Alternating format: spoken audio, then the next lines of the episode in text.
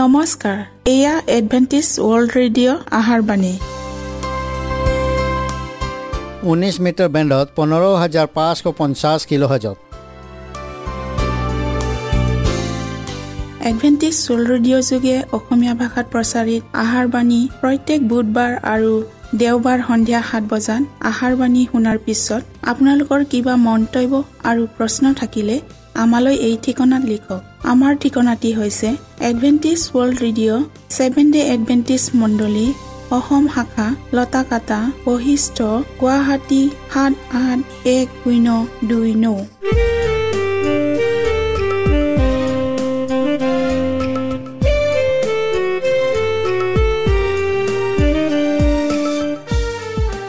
প্ৰিয় শ্ৰোতা বন্ধুসকল এতিয়া শুনো আহক এটি খ্ৰীষ্টীয় ধৰ্মীয় গীত।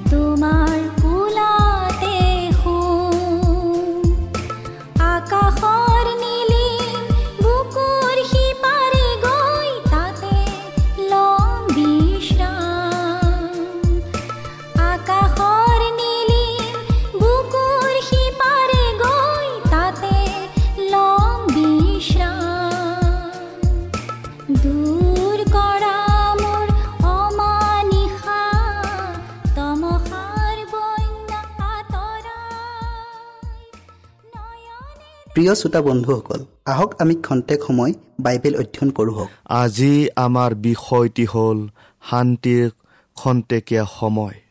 বাইবেল পদটি লোৱা হৈছে প্ৰথম টিচলনিকীয়া পাঁচ অধ্যায়ৰ তিনি পদ। যেতিয়া মানুহবিলাকে বুলিব শান্তি আৰু নিৰ্বিঘ্নতা তেতিয়া গৰ্ভৱতীৰ প্ৰসৱ বেদনাৰ নিচিনাকৈ তেওঁবিলাকৰ আকস্মিক বিনা উপস্থিত হ'ব। তাতে তেওঁবিলাকে কোনোমতে সাৰিব নোৱাৰিব।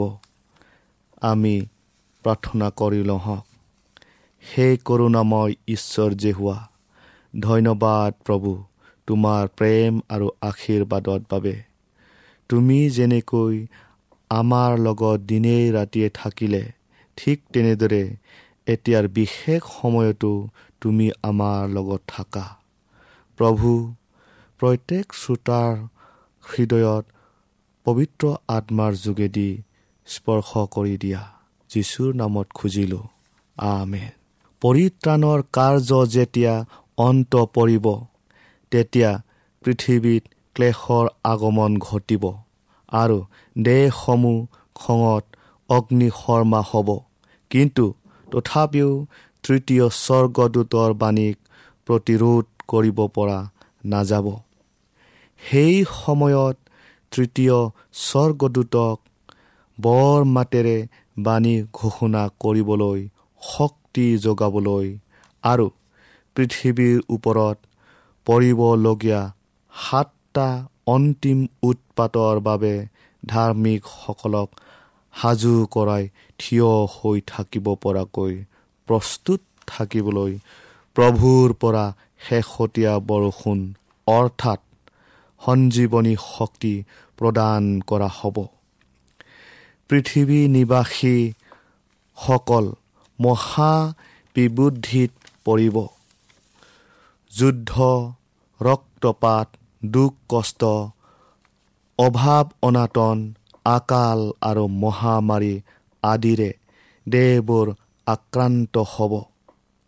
এইবোৰে ঈশ্বৰৰ লোকসকলক যেতিয়া আগুৰি ল'ব।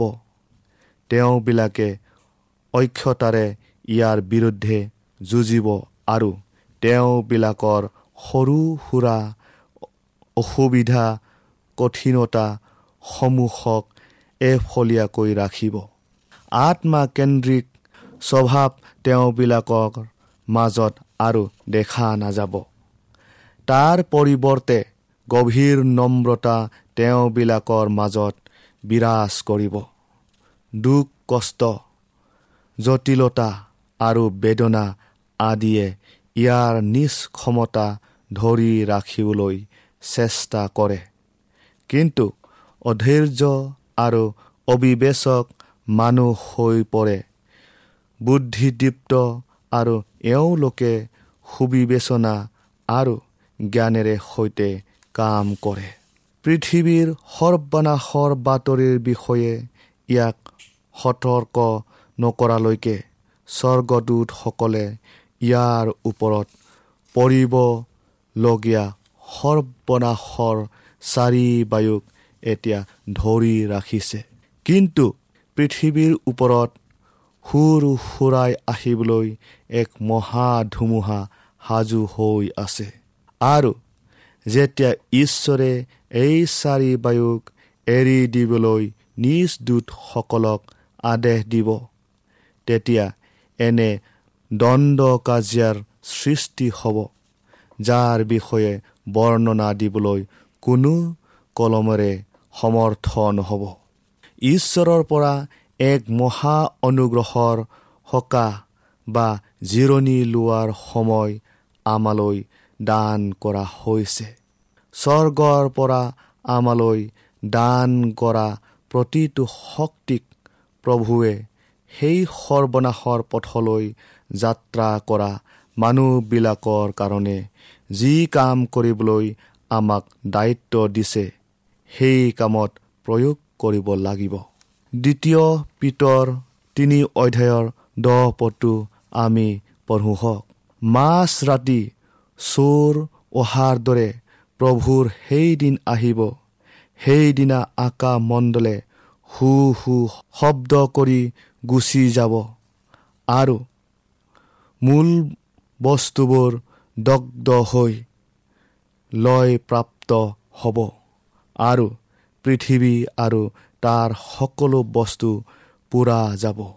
যেতিয়া দাৰ্শনিকবিলাকৰ যুক্তিৰে ঈশ্বৰক সুদবিচাৰৰ শক্তি সুদবিচাৰৰ প্ৰতি ভয় কৰাৰ মানসিকতাক দূৰ কৰিব। যেতিয়া ধৰ্মীয় শিক্ষকসকলে শান্তি আৰু উন্নতিৰ পথলৈ অগ্ৰসৰ হ'বলৈ আহ্বান কৰিব আৰু জগতৰ মানুহখিনিয়ে নিজৰ নিজৰ ব্যৱসায় আৰু সুখ আনন্দত হৈ থাকিব। গছ ৰোৱা আৰু ঘৰ বনোৱা কাৰ্যত ব্যস্ত থাকিব। উৎসৱ পালন আৰু বিয়া দিয়া আৰু বিয়া কৰা কাৰ্যত ব্যস্ত থাকিব। ঈশ্বৰৰ সতৰ্ক বাণীক আওকাণ কৰিব আৰু তেওঁৰ প্ৰচাৰকসকলক হাঁহিব উপহাস কৰিব। তেতিয়া তেওঁবিলাকৰ ওপৰত আকস্মিক বিনা আহিব। আৰু তেওঁবিলাকে কোনোমতে সাৰিব নোৱাৰিব। চুডুমৰ সেই বাসিন্দাসকলৰ দৰে তেওঁবিলাকেও উন্নতি আৰু শান্তিৰ সপোন ৰচিছিল। নিজ প্ৰাণ ৰক্ষা কৰা এয়াই আছিল ঈশ্বৰৰ দূতৰ পৰা অহা সতৰ্কবাণী। কিন্তু ইয়াৰ পৰিৱৰ্তে আন এটা মাতহে তেওঁবিলাকে শুনিছিল উত্তেজিত নহবা বিপদৰ কোনো সংকেত নাই ভয় নকৰিবা শান্তিৰে থাকা। মানুহবোৰে আনন্দত কিৰিলি পৰিছিল শান্তি আৰু নিৰ্বিঘ্নতা বুলি। যেতিয়া স্বৰ্গই পাপীসকলৰ ওপৰত অতি শীঘ্ৰে বিনাশ আহিব বুলি ঘোষণা কৰিছিল তেতিয়া তেওঁবিলাকে শান্তি আৰু নিৰ্বিঘ্নতাৰ বিষয়ে কথা পাতিছিল।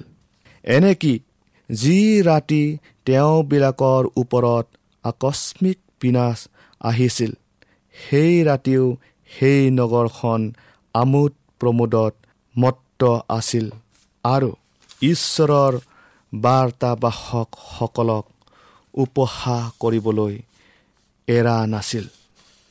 আৰু ঈশ্বৰৰ সতৰ্কবাণীক কেৰেপ কৰা নাছিল। কিন্তু এই উপহাকাৰীসকল অগ্নিত ভস্ম হৈছিল।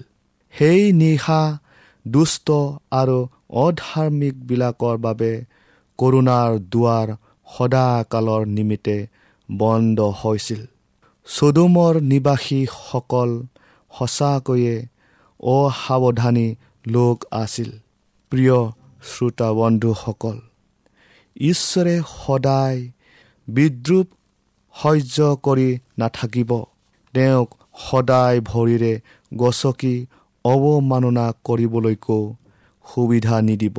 চোৱা দেহ উচ্ছন্ন কৰিবলৈ আৰু তাৰ পৰা পাপীবোৰক বিনষ্ট কৰিবলৈ জিহুৱাৰ দিন কোপ আৰু প্ৰচণ্ড ক্ৰোধেৰে দাৰুণ হৈ আহিছে। পৃথিৱীৰ বৃহৎ দলে ঈশ্বৰৰ কৰোণাক অগ্ৰাহ্য কৰিব আৰু আকস্মিক আৰু অপ্ৰতিৰোধ বিনাশ দেখি ভয়ত বিফল হ'ব। কিন্তু যিসকলে সেই সতৰ্কবাণীক মনোযোগ দিব তেওঁবিলাকে অতি ওখ ঠাইৰ গোপন ঠাইত বাস কৰিব পাব। আৰু সৰ্বশক্তিবানগৰাকীজনাৰ ছত্ৰ ছায়াত থাকিবলৈ পাব।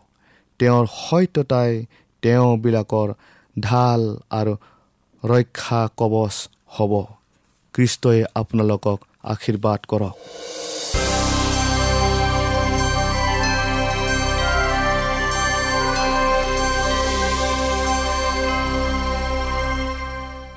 আমাৰ আজিৰ বিষয়টি হ'ল গোটেই মানুহটোৱে পবিত্ৰকৃত হোৱা।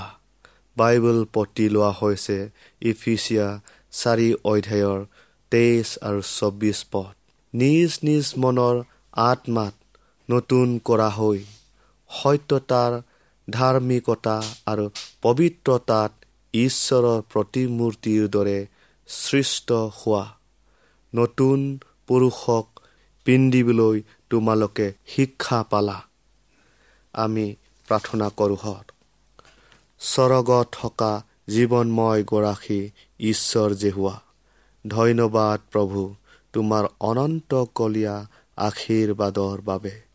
প্ৰভু এতিয়া আমি যি বিষয়টিলৈ অধ্যয়ন কৰিবলৈ আগবঢ়াইছোঁ তুমি আমাক সেই বিষয়টিলৈ বুজিবলৈ জ্ঞান আৰু বুদ্ধি দিয়া।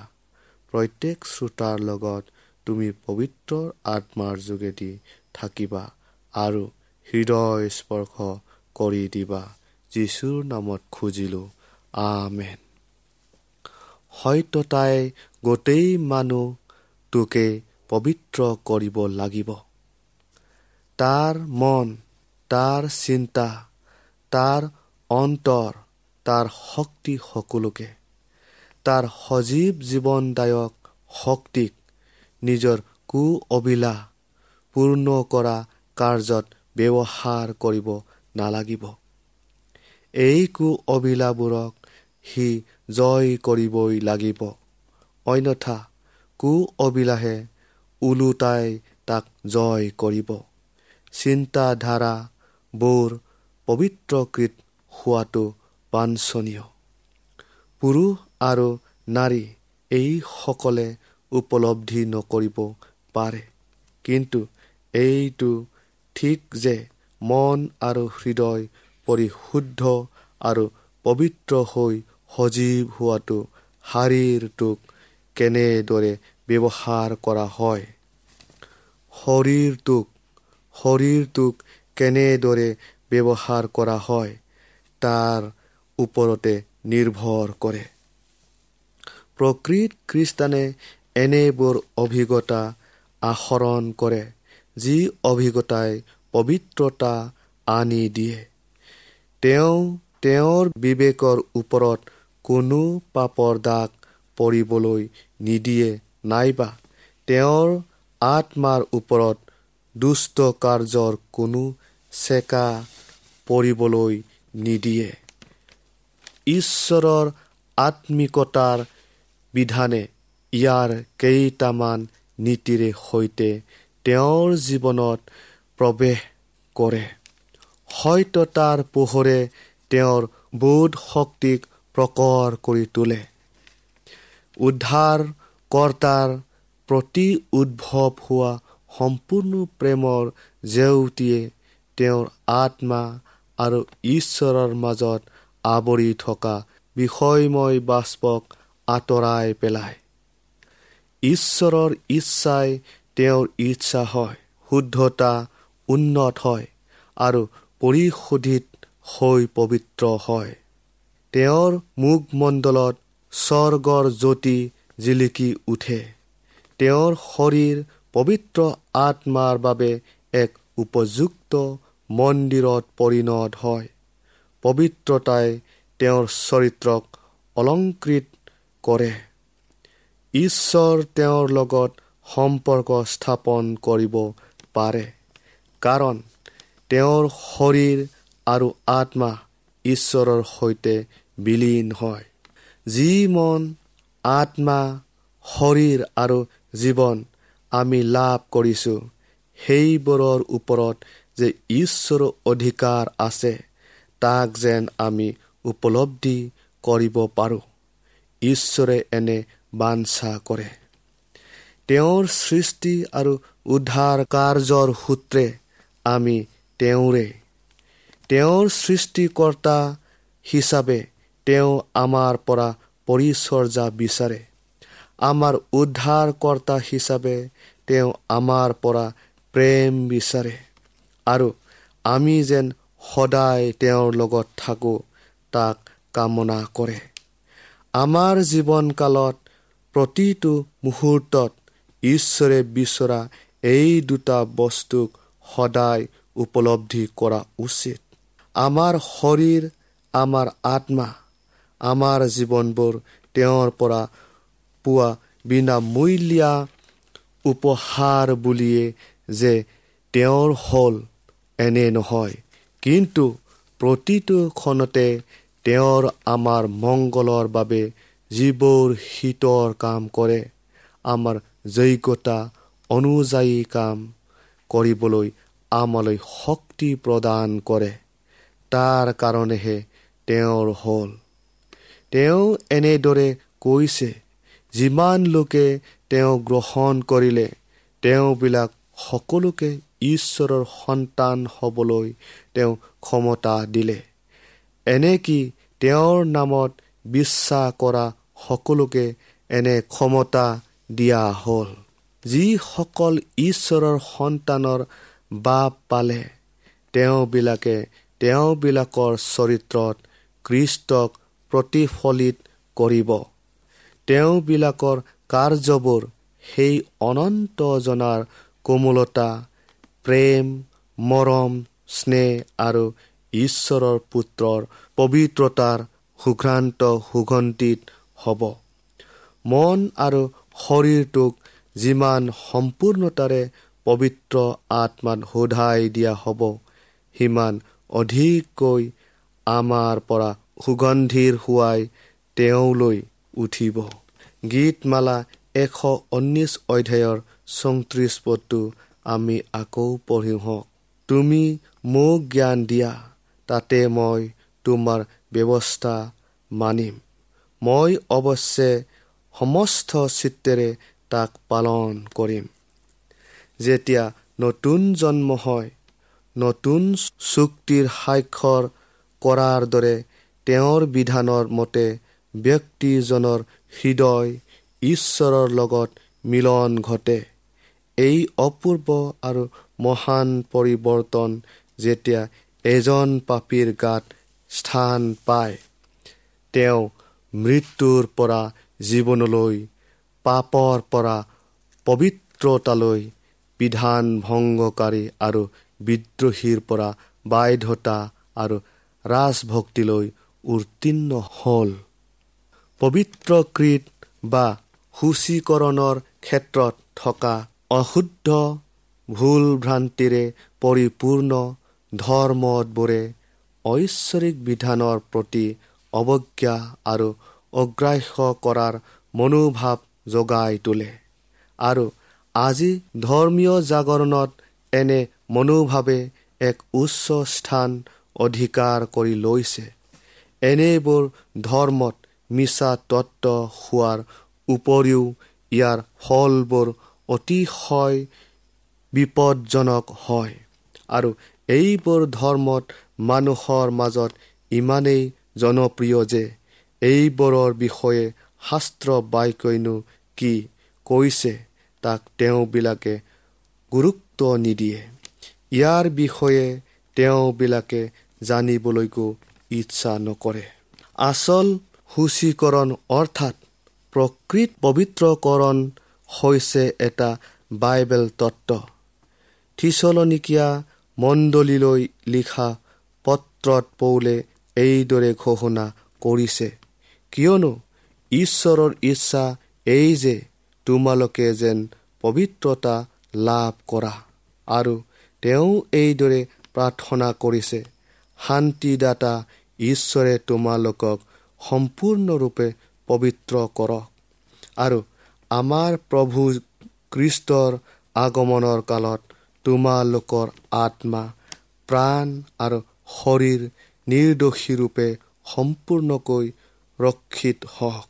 সূচীকৰণো কি আৰু ইয়াক কেনেকৈ লাভ কৰিব পাৰি সেই বিষয়ে বাইবেলে অতি স্পষ্টকৈ শিকাইছে। ত্ৰাণকৰ্তাজনাই তেওঁৰ শিষ্যসকলৰ বাবে এইদৰে প্ৰাৰ্থনা কৰিছিল হয়তো তাত তেওঁবিলাকক পবিত্ৰ কৰা। তোমাৰ বাক্যই সত্য। আৰু তেওঁবিলাকনো যেন সত্যতাত পবিত্ৰ কৰা হয়। এই আশয়েৰে তেওঁবিলাকৰ নিমিত্তে মই নিজকে পবিত্ৰ কৰোঁ। আৰু পৌলে শিক্ষা দিছিল যাতে যেন বিশ্বাসীসকলে পবিত্ৰ আত্মাৰ দ্বাৰা পবিত্ৰকৃত হয়। পবিত্ৰ আত্মাৰ কামনো বাৰু কি?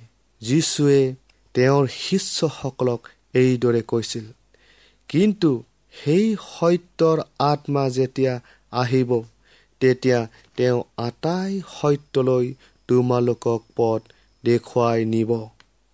আৰু গীত ৰচকে এইদৰে কৈছে তেওঁৰ ব্যৱস্থা সত্য। তেওঁৰ বিধানৰ লগত সংলগ্ন হৈ থকা ধাৰ্মিকতাৰ মৌলিক তত্ত্ববোৰক ঈশ্বৰৰ বাক্য আৰু আত্মাৰ দ্বাৰাই মানুহলৈ মুকলি কৰি দিয়া হয়।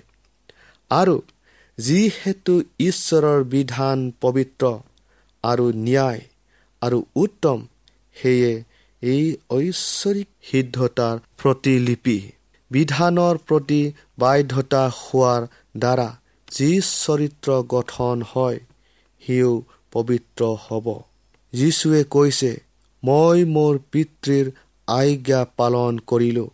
কিয়নো মই সদায় তেওঁৰ সন্তোষজনক কৰ্ম কৰোঁ। প্ৰিয়সকল খ্ৰীষ্টৰ অনুসৰণকাৰীসকল তেওঁৰ নিচিনা হ'ব লাগে। ঈশ্বৰৰ অনুগ্ৰহৰ দ্বাৰা তেওঁৰ পবিত্ৰ বিধানৰ মৌলিক তত্বৰে সহিত তেওঁৰ লগত মিল খোৱাকৈ খ্ৰীষ্টৰ অনুসৰণকাৰীসকলৰ চৰিত্ৰ গঠন হ'ব লাগিব। এইটোৱে হৈছে বাইবেল সূচীকৰণ। প্ৰিয়সকল এই কাৰ্য কেৱল খ্ৰীষ্টত থকা বিশ্বাসৰ যোগেদিহে সম্পাদিত হ'ব পাৰে। ঈশ্বৰৰ আত্মাত নিৰ্বাহ কৰা শক্তিৰ দ্বাৰাহে সম্ভৱ।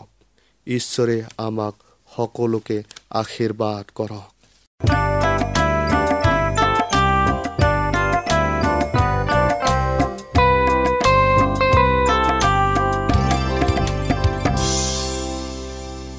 ৰাখিব আমাৰ ঠিকনাটি পুনৰ কৈ দিছোঁ। Adventist world radio' Assam region of seven day Adventist voice of hope Latakata Basistha Guwahati seven eight one zero' two nine প্ৰিয় শ্ৰোতা বন্ধুসকল এডভেণ্টিজ ৱৰ্ল্ড ৰেডিঅ' যোগে আহাৰবাণী প্ৰচাৰত আপোনালোকক পুনৰ লগ পোৱাৰ আহাৰে আজিলৈ সামৰিলোঁ। ধন্যবাদ।